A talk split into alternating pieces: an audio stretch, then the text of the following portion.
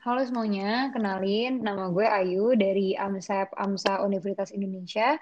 Hari ini melanjutkan topik podcast kita kemarin, kita bakal bahas-bahas lagi mengenai mental health during pandemic COVID-19. Uh, sebelumnya di podcast kali ini gue nggak sendiri, ada dua teman lainnya yang bakal nemenin ngobrol bareng. Iya, halo semuanya. Uh, kenalin juga gue Angel dari Divisi AMSA, AMSA Universitas Indonesia. Wah, halo juga Angel dan Ayu. Uh, perkenalan ya teman-teman, nama gue Faruki, gue juga sama sama Ayu dan juga Angel dari divisi AMSAP, we're focusing on student exchange dari AMSA Universitas Indonesia. Nah, uh, di podcast kali ini apa sih bedanya bahasan yang bakal kita bahas dari podcast sebelumnya? Oke, okay.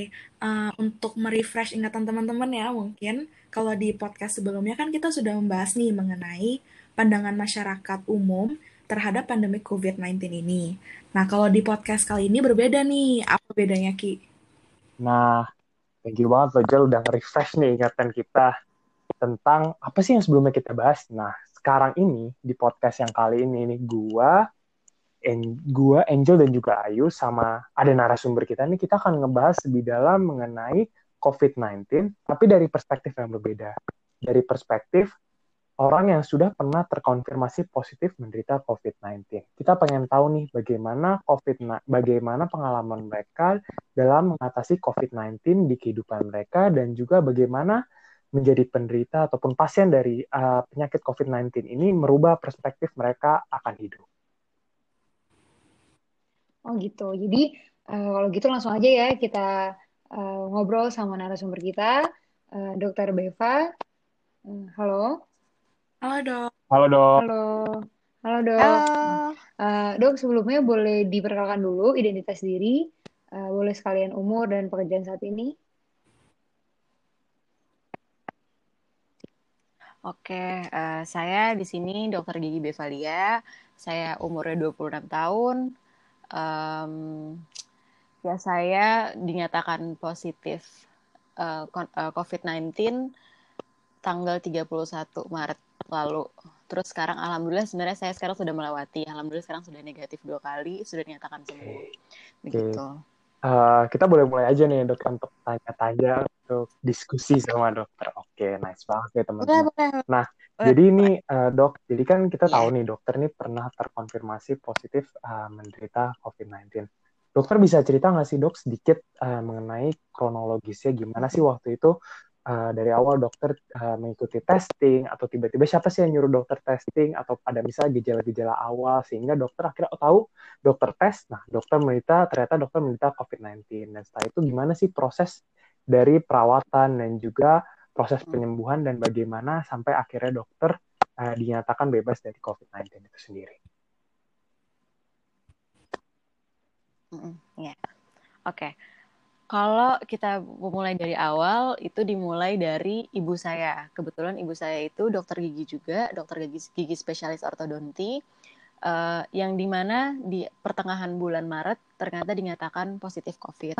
Di awal bulan Maret itu sebenarnya kita masih uh, belum terlalu aware ya untuk uh, APD-nya, terus uh, pokoknya untuk protokol-protokolnya selama kita praktek itu belum terlalu uh, fix, belum terlalu aman, belum terlalu secure seperti sekarang. Jadi memang dulu tingkat uh, untuk uh, terkena infeksi, terpapar infeksi itu sangat tinggi. Nah, kebetulan ibu saya itu ter, terpapar di mana masih di awal-awal banget Indonesia uh, mulai naik angkanya gitu kan. Nah, sebenarnya ibu saya itu akhirnya sudah masuk isolasi di rumah sakit sejak tanggal 19. Nah, itu lumayan agak panjang ceritanya sebenarnya. Tapi saya akan langsung mengkonklusikan ke akhir di mana saya akhirnya uh, tanggal 31 itu bisa bisa tes bisa tes uh, swab itu karena ibu saya sudah terkonfirmasi positif. Jadi biasanya untuk keluarga pasien yang sudah terkonfirmasi positif kan dinas itu punya data-datanya, ya kan. Jadi mereka biasanya akan melakukan rapid test ke menghubungi keluarga dan melakukan rapid test ke rumah keluarga tersebut. Nah, sebenarnya di rapid test tersebut itu saya negatif. Kebetulan saya sama adik-adik saya semua negatif di rumah ini. Nah, tapi mungkin karena saya jatuhnya uh, yang uh, follow up terus ke rumah sakit gitu kan. Kan kebetulan ibu saya di rumah sakit dirawatnya di rumah sakit persahabatan. Nah di sana itu memang uh, kalau untuk evaluasi pasien emang harus ke rumah sakit. Jadi emang uh, tingkat untuk uh, terpapar juga lumayan tinggi ya. Di sana kan kita ketemu ODP PDP emang tempatnya infeksius gitu kan. Terus uh, di sana saya juga sekalian untuk mendaftarkan mendaftarkan diri untuk tes uh, eh, PCR untuk saya dan keluarga saya gitu kan. Nah jadi memang kebetulan saya nggak tahu pasti sebenarnya saya paparnya dari mana COVID ini. Yang jelas kalau mungkin ada ada kemungkinan ke, uh, terkontak dari ibu saya sendiri karena terakhir saya satu mobil dengan ibu saya sendiri hmm. itu masih ter, masih dalam jangka waktu 12 hari sebelum tes uh, eh, PCR gitu atau terkontak dari lingkungan rumah sakit di mana kayak uh, di posko-posko itu gitu kan ketemu sama ODP PDP padahal udah jaga jarak gitu. Tapi bisa aja ya nggak tahu ya. Soalnya pada akhirnya ibu saya ternyata almarhumah karena COVID itu. Jadi uh, yang jelas imunitas moralnya pasti ada menurun gitu kan. Ada ada banyak faktor. Bisa dari stresnya bisa dari uh, agak depresinya sedihnya terus air mata yang keluar. Sedangkan kita di luar itu pakai masker double waktu itu saya masih pakai masker N95 sama pakai surgical gitu kan terus tapi air mata keluar siapa tahu saya tangannya ternyata uh, udah nyentuh apa terus nggak nggak sengaja lupa ngusap air mata jadi memang banyak kemungkinan gitu kan tapi kalau boleh jujur saya tidak merasakan hal-hal yang begitu signifikan gitu. Mungkin saya sempat merasa kayak sebelum deket-deket sebelum tes PCR hmm. itu ya, saya sempat merasa agak mau demam. Tapi ya udah minum paracetamol hilang gitu. Cuma saya nggak terlalu mikir oh ini uh, adalah mungkin jangan-jangan aku kena COVID atau aku ternyata kena apa gitu. Emang nggak terlalu dipikirin sebegitunya karena kondisinya aku uh, saya ini kebetulan udah paling tua di keluarga ini gitu kan. Papa saya baru nggak ada bulan November lalu adik-adik saya satu koas di Purwokerto satu eh dua di, uh, dua di Jakarta juga tapi satu masih kecil yang satu lagi uh, ada gejala pilek gitu. Akhirnya saya isolasi di kamar. Jadi memang saya yang untuk berjuang dan bantuin dan ngurusin ibu saya di luar. Saya pikir nggak boleh kalau misalnya saya merubah mindset saya. Kayak oh saya sakit nanti pasti akan mempengaruhi secara secara psikologis dan akan mempengaruhi imunitas moral kita gitu. Jadi saya terus untuk uh, mengubah pola pikir supaya oh nggak ini nggak apa-apa. Ini cuma cuma capek aja uh, minum obat terus hilang. Jadi nggak ada yang menurut saya nggak ada yang terlalu bermakna gitu kan. Udah hilang terus pas udah tanggal 31 saya tes karena uh, kita keluarga pasien. Jadi kontak erat sama pasien yang sudah dinyatakan positif covid gitu kan. Akhirnya kita semua tes uh, PCR swab eh sorry PCR uh, eh, total sama uh, darah ya kan. Terus terus keluar hasilnya jadi sebenarnya mereka itu bilangnya adalah uh, maksimal tujuh hari setelah tes itu akan keluar hasilnya. Tapi kok ternyata nggak ada kabar sampai tujuh hari. Jadi ibu saya itu baru nggak ada tanggal 29 tanggal 30 31 saya tes. Nah di situ uh, dari dari tanggal 31 sampai tanggal 7 itu sebenarnya saya nggak ada kabar sama sekali dari dinas. Jadi saya pikir dan saya dan ada-ada saya pikir tuh hmm. ya udah kita semua negatif gitu kan. Kita udah senang, kita udah main-main bareng gitu. ya kayak gimana sih rasanya abis kehilangan orang tua, terus masa sendiri-sendiri gitu kan. Kita juga susah ya buat physical distancing, social distancing di rumah pun kita harus social distancing. Terus akhirnya uh, pas hari ke-8 tahu-tahu saya dikabarin bahwa ternyata hasil PCR saya yang dari situ sudahlah saya uh, langsung isolasi mandiri di kamar. Sebenarnya ditawarin apakah mau uh, pindah ke rumah sakit seperti Wisma Atlet gitu misalnya gitu kan. Tapi saya banyak pertimbangan sih. Pertama, saya mau uh, merasa tidak sakit. Kedua, saya memang tidak ada gejala. Hmm. Jadi saya emang nggak ada gejala apa pun, mau dari pegel-pegel pun juga nggak ada gitu kan. Kalau dilihat dari tujuh hari sebelumnya itu ya, di selama tanggal tiga dari tanggal 31 saya uh, tes swab itu. Nah itu nggak ada gejala. Uh, terus ketiga saya juga nggak mau egois sih sebenarnya karena saya ngerasain waktu saya ngurusin ibu saya untuk mencari rumah sakit bahkan ibu saya itu udah udah PDP udah udah udah sek gitu kan. Itu rumah sakit banyak banget yang nolak gitu kan. Susah. Di saat itu kondisinya seperti itu. Cuma mungkin sangat berbeda di, di keadaan sekarang. Saya nggak tahu kalau keadaan sekarang ya. Soalnya kan pasti sudah berbeda. Mungkin uh, rumah sakit sudah lebih prepare gitu kan. Di saat itu susah. Nah jadi saya pikir kalau memang saya tidak harus dirawat di rumah sakit kenapa saya harus dirawat di rumah sakit? Terus ya kalau di rumah yang jelas kita bisa ngelakuin hal-hal aktivitas yang positif yang bisa membuat kita uh, merasa seperti sehat dan biasa saja gitu maksudnya. Jadi nggak nggak kayak nggak tidak termandset oh aku lagi sakit aku lagi dirawat aku lagi berpenyakit covid yang sedang eksis itu gitu. Jadi pikir saya seperti itu. Toh juga artinya kalau isolasi mandiri bukannya artinya uh, kita bebas gitu loh maksudnya. Jadi memang harus disiplin tapi harus menjaga diri harus tahu diri sih saya rasa. Nah uh, dan pastinya ada juga dokter yang uh, follow up dan dan follow up pokoknya follow up tiap hari tiap pagi kayak termo, termometernya berapa hasilnya gitu kan kayak di, dicek cek segalanya gitu kan dingitnya nadinya berapa saturasi oksigennya berapa. Jadi saya selalu di sini selalu siap uh, fingertip oximeter sama termometer biasanya di kamar untuk waktu itu dulu saya untuk confirm uh, pemeriksaan objektif sendiri tiap hari untuk dilaporin ke dokter saya gitu kan. Jadi saya pikir lebih baik di rumah aja gitu kan ya udah dari saat itu uh, setiap dua minggu ya satu satu minggu dua minggu sekali saya harus melakukan tes swab ulang ya kan?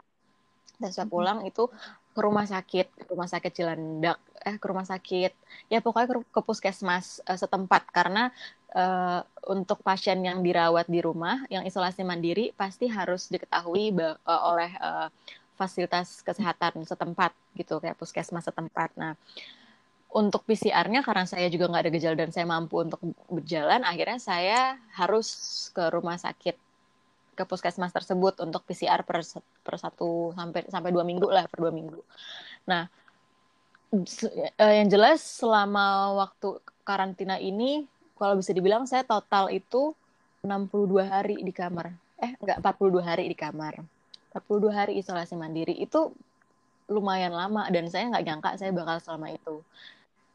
Saya kan cari tahu cari tahu juga gitu kan kira-kira berapa lama sih orang-orang kok ada sih yang bisa uh, sekarang positif terus dua minggu lagi udah negatif gitu kan. Kok kenapa saya selama itu gitu kan? Dan kondisinya ini lumayan berat gitu. Maksudnya menurut saya saya merasanya ini nggak saya nggak pernah merasakan beban hidup seberat sebelumnya. Karena kondisinya sangat berbeda ketika dulu uh, saya kehilangan orang tua pertama kali hidup saya hidup kita normal gitu. Kita bisa melakukan aktivitas yang di mana kita bisa mengalihkan pemikiran kita dari situ. Setidaknya setitik kita bisa bisa melupakan sedikit gitu kan. Karena kita bisa beraktivitas di luar kita bisa kerja. Sedangkan sekarang kita harus di rumah isolasi mandiri terus dalam satu kotak ini terus uh, orang bahkan nggak bisa keluarga teman-teman nggak bisa muncul nggak bisa datang nggak bisa nggak bisa nemenin kita.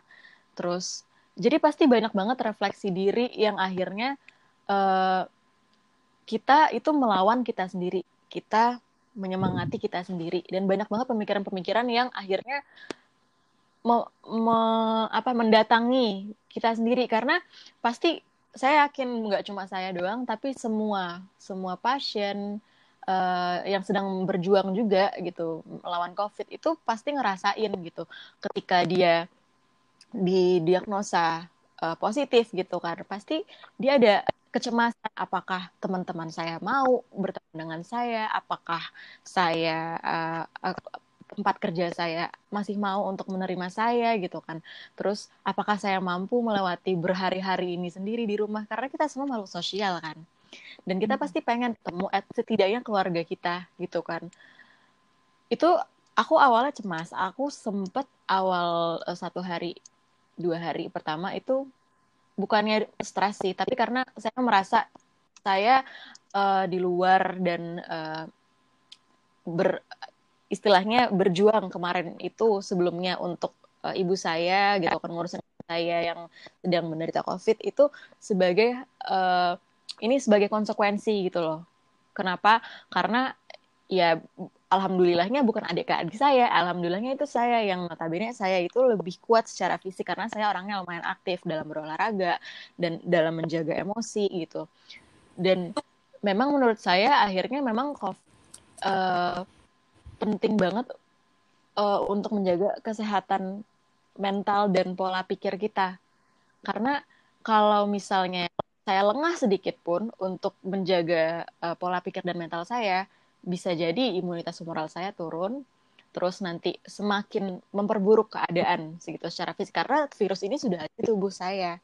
Gejala ini bisa aja ter, uh, jadi memburuk gitu kan, bisa secara psikosomatis juga gitu kan akhirnya.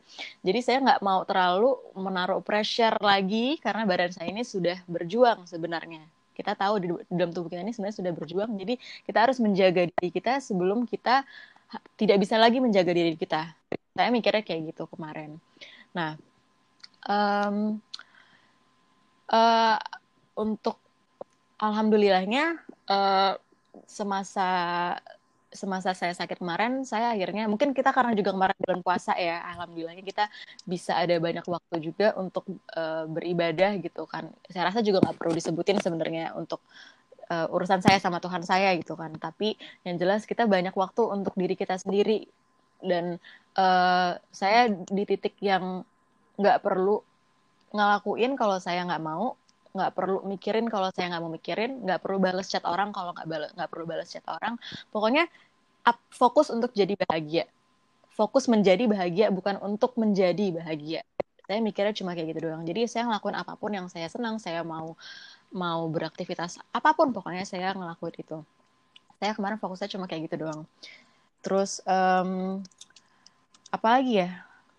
Ya intinya banyak banget sih yang disadari. Uh, di meditasi tiap hari kemarin itu saya terus uh, perlu banget untuk menyadari supaya tidak ta tidak takut dan cemas berlebihan gitu kan menyadari uh, kebetulan karena kita dari latar belakangnya medis juga jadi aku pasti akan mengimbangi rasa cemas dan takut dan imajinasi berlebihan dari otak kanan dengan menyimbangi dengan ilmu pengetahuan di otak kiri. That's why kita perlu banget untuk belajar. Kalau kita nggak tahu, cari informasinya yang akurat, yang dapat dipercaya dari jurnal dan textbook. Itu yang aku lakuin. Kenapa? Karena sekarang kalau misalnya saya uh, lengah, misalnya saya buka sosial media, nonton TV gitu, itu terlalu terlalu uh, apa ya tidak tidak tidak mengobati rasa itu cuma hanya memperburuk keadaan kenapa karena kalau media sudah pasti mereka akan membuat uh, judul yang provokasi memprovokasi yang memprovokasi perasaan supaya oh uh, sekarang angka kematian sudah seperti ini. That's why saya nggak terlalu buka sosial media. Belum lagi hoax hoax yang masuk ke grup ya kan? Masuk ke grup masuk ke Instagram gitu kan. Itu kan banyak banget yang tidak dapat dipercaya. Tapi kan orang-orang bisa aja gitu kan.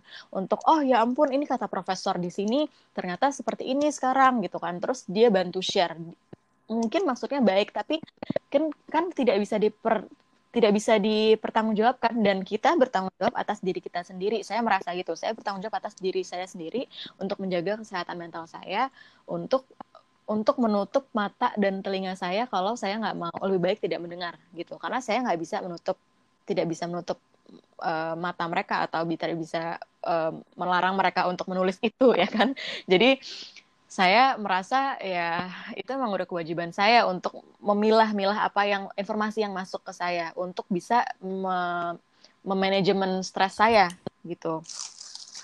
Terus uh, jadi istilahnya saya mengatur gimana caranya supaya stres yang masuk, rasa informasi yang masuk ke tubuh saya itu uh, dihasilkan endingnya kan itu biasanya kita di, dihasilkan dari uh, apa namanya kelenjar kita itu kan menghasilkan hormon ya. Pasti kalau secara secara kedokteran kita menghasilkan hormon yang ah, akhirnya kita bisa uh, terhasilkan juga glukosa di darah yang meningkat gitu kan akhirnya juga nanti uh, apa namanya jantung kita juga lebih berdebar gitu kan sebenarnya banyak secara fisiologis yang terjadi di tubuh kita ketika kita menerima informasi dan membuat cemas diri kita.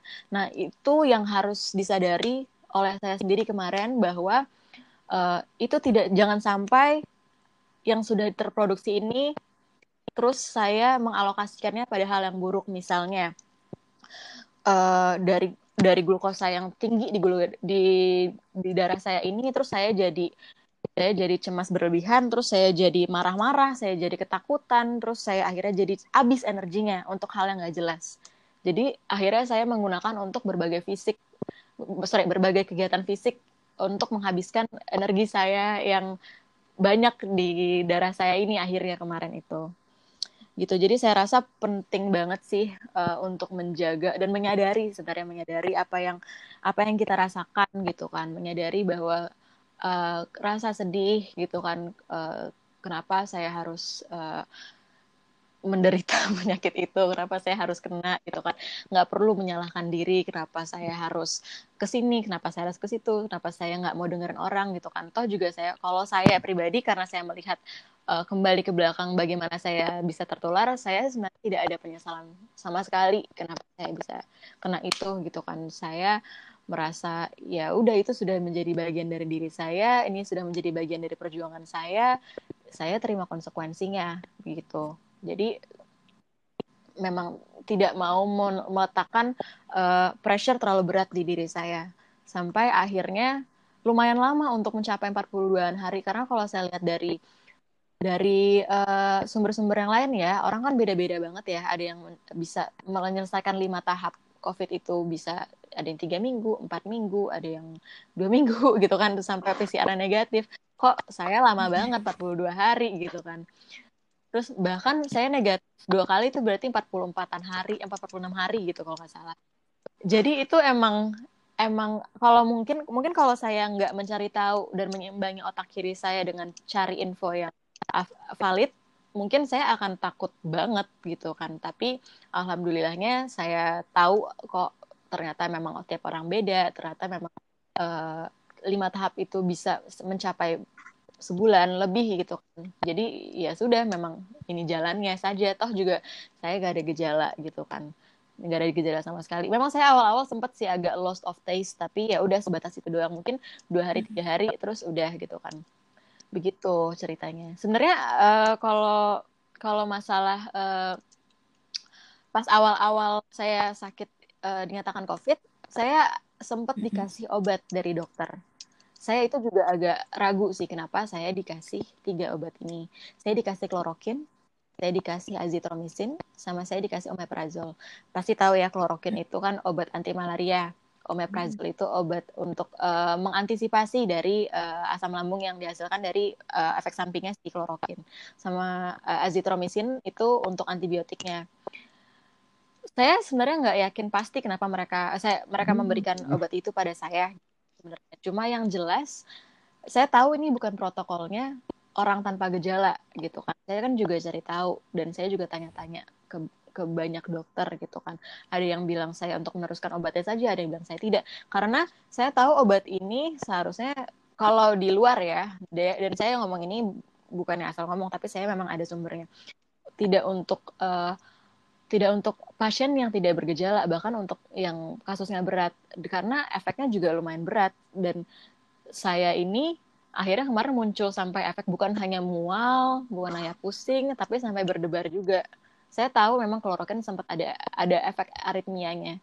Tapi e, karena efek itu akhirnya saya mencoba untuk bertanya lagi bertanya lagi bertanya bertanya bertanya lagi pada dokter saya dan akhirnya dia memutuskan ya udahlah dok Eh, terserah dokter dokter mau apa enggak. Karena ternyata memang tidak ada yang meyakinkan gitu kan apakah benar orang tanpa gejala seperti saya harus minum itu. Karena kenyataannya saya di situ sempat agak stres. Jujur saya agak stres. Gimana kita bisa mengelola stres kita ketika ketika fisik kita ternyata memang jelas uh, uh, ada pusing mual terus mau muntah terus berdebar dan itu nggak cuma di saat siang hari gimana saat kita mau tidur gitu kan. Ketika kita masih siang kita masih bisa mencoba mengimbangi dengan obat-obat minum atau makan uh, memenuhi berusaha untuk supaya uh, lambungnya tidak nggak terlalu rasa ditonjok gitu. Tapi ketika kita mau tidur gimana gitu kan itu rasanya benar-benar nggak enak banget tapi akhirnya karena dokter saya um, memberikan kesempatan sama saya ya udah dok nggak apa-apa silahkan aja dokter memutuskan mau minum atau enggak akhirnya saya memutuskan tidak minum kenapa pertimbangannya karena saya tidak dirawat di rumah sakit. Kalau saya memang harus minum obat itu, saya tidak masalah untuk minum obat itu, tapi saya dalam pengawasan perawat di rumah sakit. Jadi saya tadinya saya sempat sebenarnya dua hari tiga hari pertama itu minum obat itu uh, itu lumayan agak resah dan sangat saya rasa itu sangat sangat membuat stres. Tapi alhamdulillah setelah minum, selesai minum obat itu, maksudnya setelah saya hentikan minum obat itu di hari kedua, alhamdulillah tidak ada gejala apa pun. Jadi kembali normal dan saya bisa kembali berpikir jernih lagi gitu.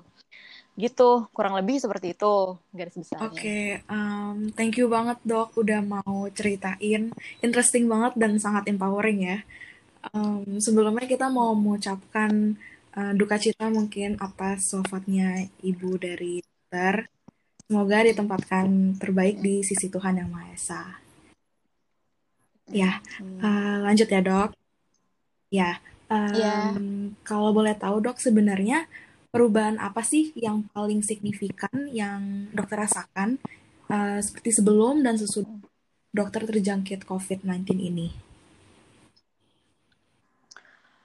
Perubahan, um, yang jelas, yang jelas. Uh, kita pasti akan lebih melihat dunia secara keutuhan ya um, saya merasa yang jelas ketika kita kehilangan seseorang pasti kita akan lebih untuk aware tentang uh, kesempatan dan waktu yang kita abaikan hmm. ya kan kita kita pasti akan berpikir bahwa wah ternyata kita bisa beli semua hal di dunia ini dengan duit yang bisa kita cari tapi kita nggak bisa beli waktu sama kesempatan kenapa waktu ada kesempatan itu tidak kita gunakan sebaik yeah. mungkin gitu kan kenapa ketika ada ada ketika ada ya mereka yang eh, kita sebenarnya sayangi tapi kita gengsi untuk bilang misalnya saya cinta, saya sayang, atau misalnya ngelakuin hal yang terbaik, kenapa kita gengsi? Atau kenapa kita terlalu sibuk sendiri sama dunia kita sendiri? Itu pasti, maksudnya uh, pasti berasa banget gitu. Apalagi di pas masa COVID ini justru rasa cinta kamu adalah dengan tidak menyentuh dan dan menjaga jarak dengan orang yang kamu sayangi. Ini adalah perspektif yang sangat berbeda dari apa yang kita rasakan dulu, ya kan? Sedangkan kalau dulu kita kalau misalnya senang sama orang, kita sayang sama orang, kita berusaha untuk ada terus uh, di dekat dia secara fisik. Tapi akhirnya saya berpikir ketika di masa ini kita nggak bisa ketemu, kita akhirnya melihat siapa aja yang akhirnya eh, benar-benar ada buat kita waktu di masa semua orang susah ini akhirnya kamu bisa lihat siapa yang masih ada buat kamu walaupun mereka nggak bisa ada secara fisik buat kamu. Ya kan? Akhirnya kamu bisa lihat mana yang benar-benar teman mana yang benar-benar keluarga mana yang benar-benar care mana yang cuma ada buat kamu karena kepentingan doang. Akhirnya mana yang nyapa kamu cuma karena mereka butuh sesuatu gitu. Itu kamu benar-benar bisa lihat alhamdulillahnya. Terus aku juga merasa uh, selama uh, COVID ini uh, akhirnya apa ya? Sebentar, tadi saya jadi mikir. Apa yang kamu rasakan uh, sekarang di saat itu itu hmm. cuma rasa. Jadi itu nggak benar-benar nggak bu, kita bukan kembali ke masa lalu. Terus uh, maksudnya gini nih, emosi yang kita rasakan sekarang itu cuma kita rasakan di sekarang itu tidak terjadi di masa di masa sekarang dan ini adalah hmm. hanya pikiran. Jadi aku berusaha untuk mundur dari semuanya untuk melihat lebih lebih lebih objektif sih bukan lebih bukan lebih uh, nggak tidak terlalu lebih mendayu-dayu gitu maksudnya tidak terlalu larut hmm. dalam rasa supaya kita sadar bahwa ini semua sudah terjadi uh, uh, ya kita nggak bisa ngelakuin apa pun gitu. Kita cuma bisa menjadikan ini perjalanan per, uh, apa sorry perja eh, bagian dari perjalanan dan dan uh, salah satu ilmu yang bisa kita gunakan untuk pelajaran untuk ke depannya gitu. Gitu sih. Uh, terus sebenarnya ada beberapa lagi sih yang saya merasa lumayan um, signifikan gitu. Misalnya kayak kemarin kita terlalu banyak waktu untuk ngabisin waktu di luar untuk hal-hal yang sebenarnya nggak nggak tahu apa yang kita kejar sebenarnya. Kadang kadang kita terlalu rakus untuk pengen ngelakuin semuanya di luar tapi kita nggak tahu yang siapa yang sebenarnya benar-benar ada dan dan uh, sebenarnya apa yang kita butuhin dengan dengan kerakusan dan kemauan kita itu. Misalnya kita di luar aku mau ikut ini ikut itu tapi juga mau ketemu ini mau ketemu ikut itu tapi kita nggak tahu sebenarnya apa yang kita butuhkan gitu kan. Sebenarnya kita memang harus belajar lebih rileks dan dan nggak terlalu ambisius menurut saya akhirnya di masa ini ya. Terus juga di masa ini akhirnya kita juga dituntut buat kreatif gitu kan. Karena dengan pressure yang ada dengan kita nggak bisa bekerja sebagaimana kita hidup sebelumnya gitu kan. Akhirnya kita dituntut untuk kreatif. Gimana caranya kita bisa menghidupi kita sendiri tapi dengan cara lain gitu. Misalnya ya apa yang bisa dilakukan? Saya lihat orang-orang banyak yang akhirnya mulai buka untuk masak gitu kan. Terus kita juga bisa lihat orang-orang siapa aja yang akhirnya masih masih masih bisa masih mau untuk support teman-temannya walaupun kita semua tahu kita semua lagi dalam masa krisis tapi kita semua masih mau bantu untuk support teman kita masing-masing untuk menjalankan bisnis hmm. mereka. Gitu. Kerasa banget sih. Gitu. Hmm. Uh, selanjutnya dok uh, mau tanya kan dokter sempat isolasi mandiri dan pada saat-saat itu lagi rame-rame banget stigma masyarakat mengenai pasien PDP, ODP, dan confirm cases. Hmm Uh, menurut pandangan dokter sendiri, uh, bagaimana sih dok uh, pandangan masyarakat kepada pasien-pasien uh, COVID-19 yang terkonfirmasi atau mungkin uh, pada saat itu pandangan dari hmm. lingkungan dokter sendiri ada uh, bagaimana uh, yeah. terhadap itu? Um, sebenarnya ketika ibu saya pertama kali didiagnosa COVID itu itu lumayan sih. Saya yakin semua pasien uh, yang mungkin sekarang gini sekarang gini deh. Kebanyakan orang sekarang kalau sakit itu tidak mau jujur ya kan? Dia akan akan akan menutupi penyakitnya. Sedangkan ketika ibu saya sakit saya bilang ke teman ibu saya untuk ya udah nggak apa-apa dok uh, coba di dikabarin aja ke pasien-pasiennya gitu kan. Atau di rumah sakit bahwa ibu saya ternyata sudah terkonfirmasi covid. Uh, itu artinya siapa pun yang berkontak dengan ibu saya silahkan untuk um, isolasi mandiri atau kalau mau ngecek ya silahkan gitu kan sebenarnya niatnya baik.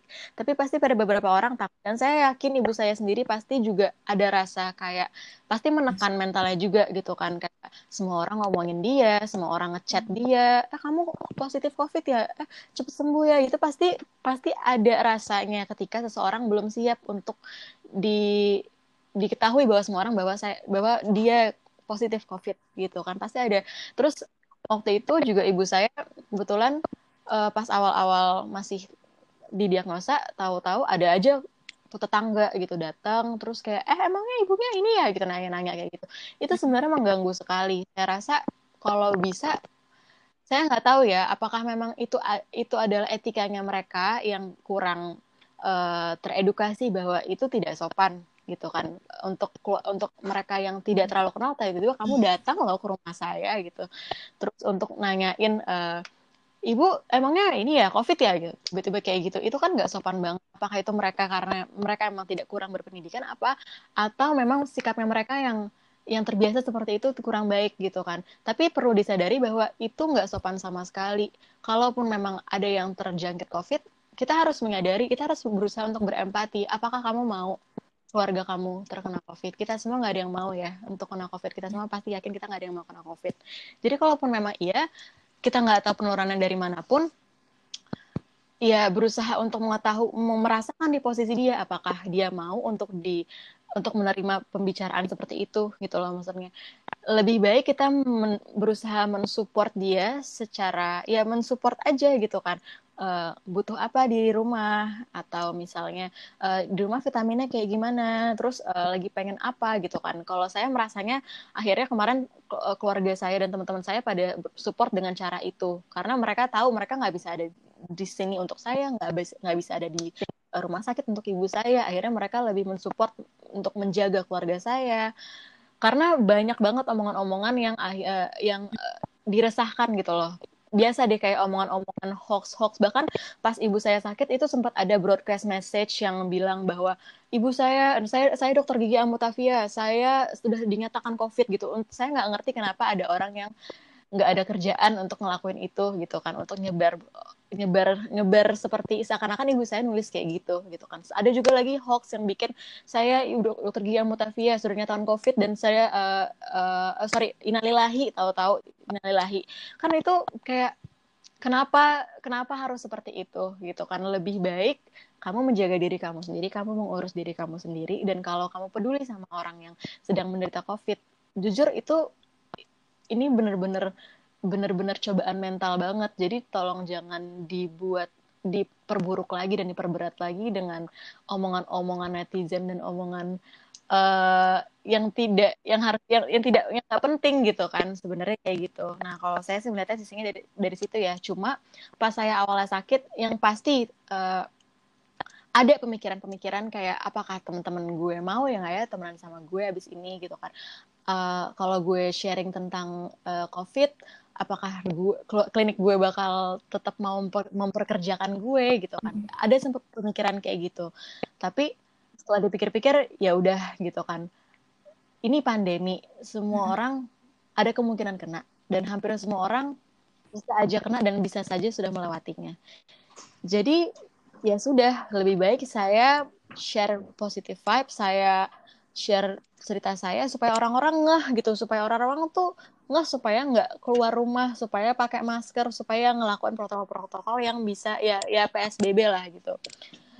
Alhamdulillahnya ketika saya pertama kali sharing tentang uh, semua ini waktu itu di sosial media saya ternyata malah tanggapannya banyak yang malah positif. Ternyata banyak banget orang-orang yang yang ngerasain hal yang sama sama saya yang yang sedang berjuang sama saya yang sedang juga kehilangan orang tua atau orang tercinta di saat masa pandemi ini.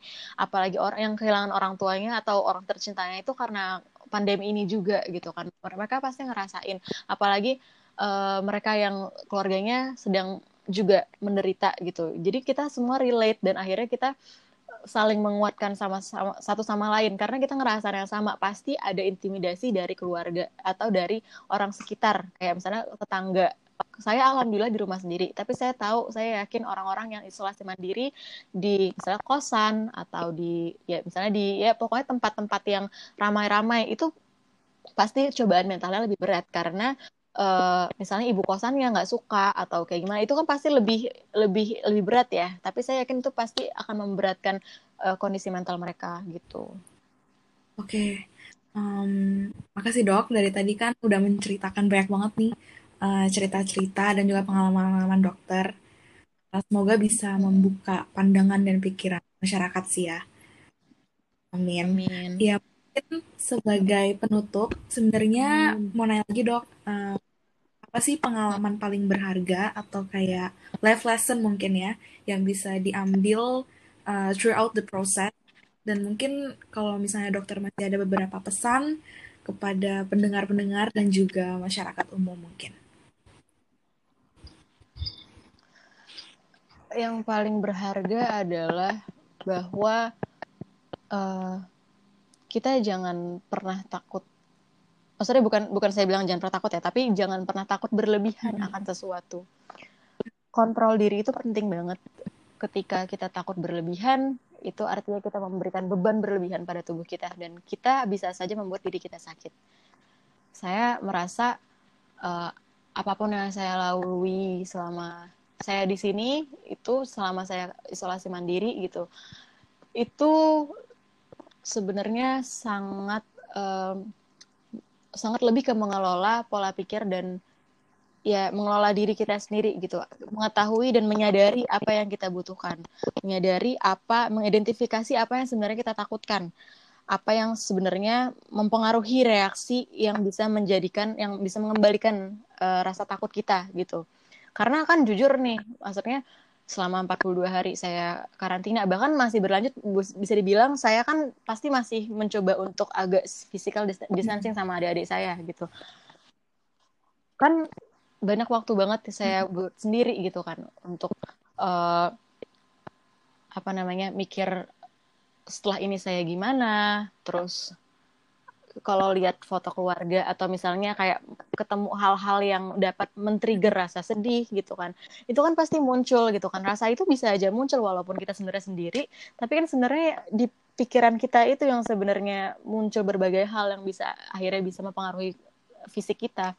Jadi penting banget untuk menyadari apa yang sebenarnya kita rasakan apa yang sebenarnya kita butuhkan terus uh, menyadari untuk bahagia di saat ini bukan untuk menjadi bahagia. Karena bahagia itu aku rasa bukan tujuan tapi memang apa yang kita rasakan sekarang gitu kan. Saya nggak bilang saya orangnya selalu berusaha selalu, selalu positif ya tapi kita nggak mungkin ngerasain hal positif kalau kita nggak ngerasain hal negatif ya kan? Jadi pasti di balik saya berpikir seperti ini saya juga melewati masa-masa yang negatif yang membuat saya uh, ngerasain benar-benar senegatif itu sesedih itu sampai akhirnya saya bisa ngerasain positif juga gitu jadi itu sih yang menurut aku paling berasa banget dan menjadi pelajaran juga selama masa COVID ini. Jadi untuk ke depannya, kalau saya berharap banget saya tidak berubah dari sifat-sifat yang saya temu temukan selama masa pandemi ini gitu. Terus untuk mungkin untuk uh, yang mendengarkan podcast ini, saya sih harapnya karena kita sekarang keadaannya sudah berbeda ya, kita juga menyadari bahwa kita nggak punya belum punya obat, belum punya vaksin gitu. Dan tapi kenyataannya juga kita nggak bisa uh, membohongi diri kita sendiri bahwa kita juga butuh untuk bekerja kita butuh untuk menjalani kehidupan kita sehari-hari gitu kan. Karena kita nggak mungkin begini terus di rumah terus kita nggak mungkin kita nggak kerja terus. Jadi ya mau nggak mau ya kita harus benar-benar menjaga stamina dan uh, imunitas humoral kita hmm. gitu tidur cukup uh, kelola stres dan kecemasan, takut itu penting menurut saya karena itu yang membuat kita aware. Tapi takut berlebihan itu yang nggak boleh. Jadi itu adalah gimana caranya kita uh, untuk mengontrol informasi yang masuk ke kita dan dan mengontrol apa yang harus kita percaya mana yang harus tidak kita percaya itu penting banget. Karena saya rasa di Indonesia saya lihat ya banyak banget orang-orang yang tidak bisa mengontrol informasi yang masuk. Bahkan dia ikut menyebarkan informasi yang tidak dapat dipercaya. Terus ya tidur yang cukup itu penting banget. Makan minum dan yang sehat gitu kan. Uh, penuhi kebutuhan uh, apa namanya suplemen suplemen yang kita butuhkan itu juga penting tapi saya rasa dari semua hal yang harus kita jaga memang kesehatan mental dan cara manajemen stres itu penting banget sih itu yang paling penting buat aku menurut aku ya Terus ya saya nggak tahu lagi gimana cara ngomong ke orang-orang yang egois, nggak mau pakai masker. Tapi yang jelas sekarang di luar itu kan kita juga udah nggak tahu ya angka jelasnya berapa. Semua orang bisa aja ODP, PDP gitu yang kita ketemuin. Jadi ya itu tugas kita untuk menjaga diri kita sendiri gitu. Kalau misalnya emang nggak mau denger ya ya udah ya udah terima aja konsekuensinya gitu kan. Toh juga kita semua udah udah tahu kan tenaga medis di Indonesia ini juga sudah makin berkurang makin berkurang gitu kan. Karena pada mulai satu persatu tumbang terinfeksi. Jadi ya siapa yang mau merawat kita kalau nanti kita sampai ada yang sakit gitu. Karena itu pun kecerobohan kita sendiri gitu. Jadi kenyataannya memang kita harus harus berhidup dengan COVID ini karena kita belum ada vaksin dan ada obatnya gitu jadi ya kita harus pinter-pinter untuk mengatur kita sendiri sih menurut aku kayak gitu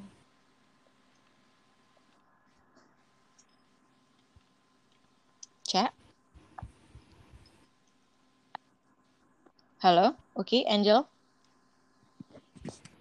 Ya? Yeah. Halo.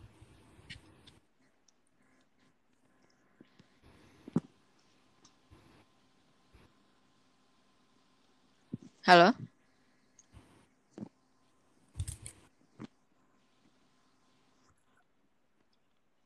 Halo, mungkin agak koneksinya. Aku, aku dengar sih kamu. Oh, okay. Ya ini boleh, ada boleh. poin tambahan sebenarnya dari Uki, cuman uh, sepertinya koneksi koneksi dia kurang baik.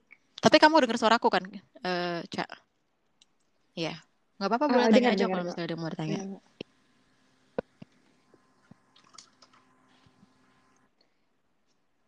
Sebenarnya sebagai penutup sih, uh, dok, uh, lebih di sini kita mau kesimpulan aja untuk uh, para pendengar juga. Sebelumnya makasih banyak Dokter Beva udah share pengalamannya. Uh, semua pengalamannya tadi uh, bagus banget, banyak poin penting yang bisa jadi pembelajaran berharga buat kita semua. Uh, di sini tiga poin kesimpulannya adanya self empowerment and self control yang harus uh, kita masing-masing jaga sendiri dan uh, bagaimana kita nge-prioritize our life uh, and then empathy itu sangat penting ya apalagi di masa pandemi ini. Jadi di uh, podcast kali ini uh, mungkin sebagai penutup aja semuanya tetap uh, optimis Iya, dan mungkin semangat kalau dalam dari aku juga ini sama, ya. kurang Mungkin lebih. Angel ada tambahan? Uh, stay positif semuanya. Uh, dan pertama-tama juga mau um, ucapin terima kasih banyak pada dokter Beva karena sudah mau sharing uh, pengalaman-pengalamannya dan kalau dari tadi didengerin sangat-sangat membuka pikiran sih ya. Jadi semoga pendengar-pendengar yang lain juga bisa lebih aware terhadap uh, pandemi COVID ini. Amin. Lagi terima kasih banyak uh, Dokter Bevalia for the time. Uh, terima kasih banyak juga untuk semua pendengar kita yang uh, setia mendengarkan podcast ini. Semoga kalian bertambah ilmunya dan menambah perspektif kalian mengenai COVID-19 ini dan kita bisa melewatinya bersama-sama. Jangan lupa semuanya pesan kami stay at home kalau misalnya kalian tidak ada keperluan apa-apa dan jaga diri kalian masing-masing. Selamat siang. Dadah. Dadah. Sampai bertemu di podcast selanjutnya ya. Terima kasih semua.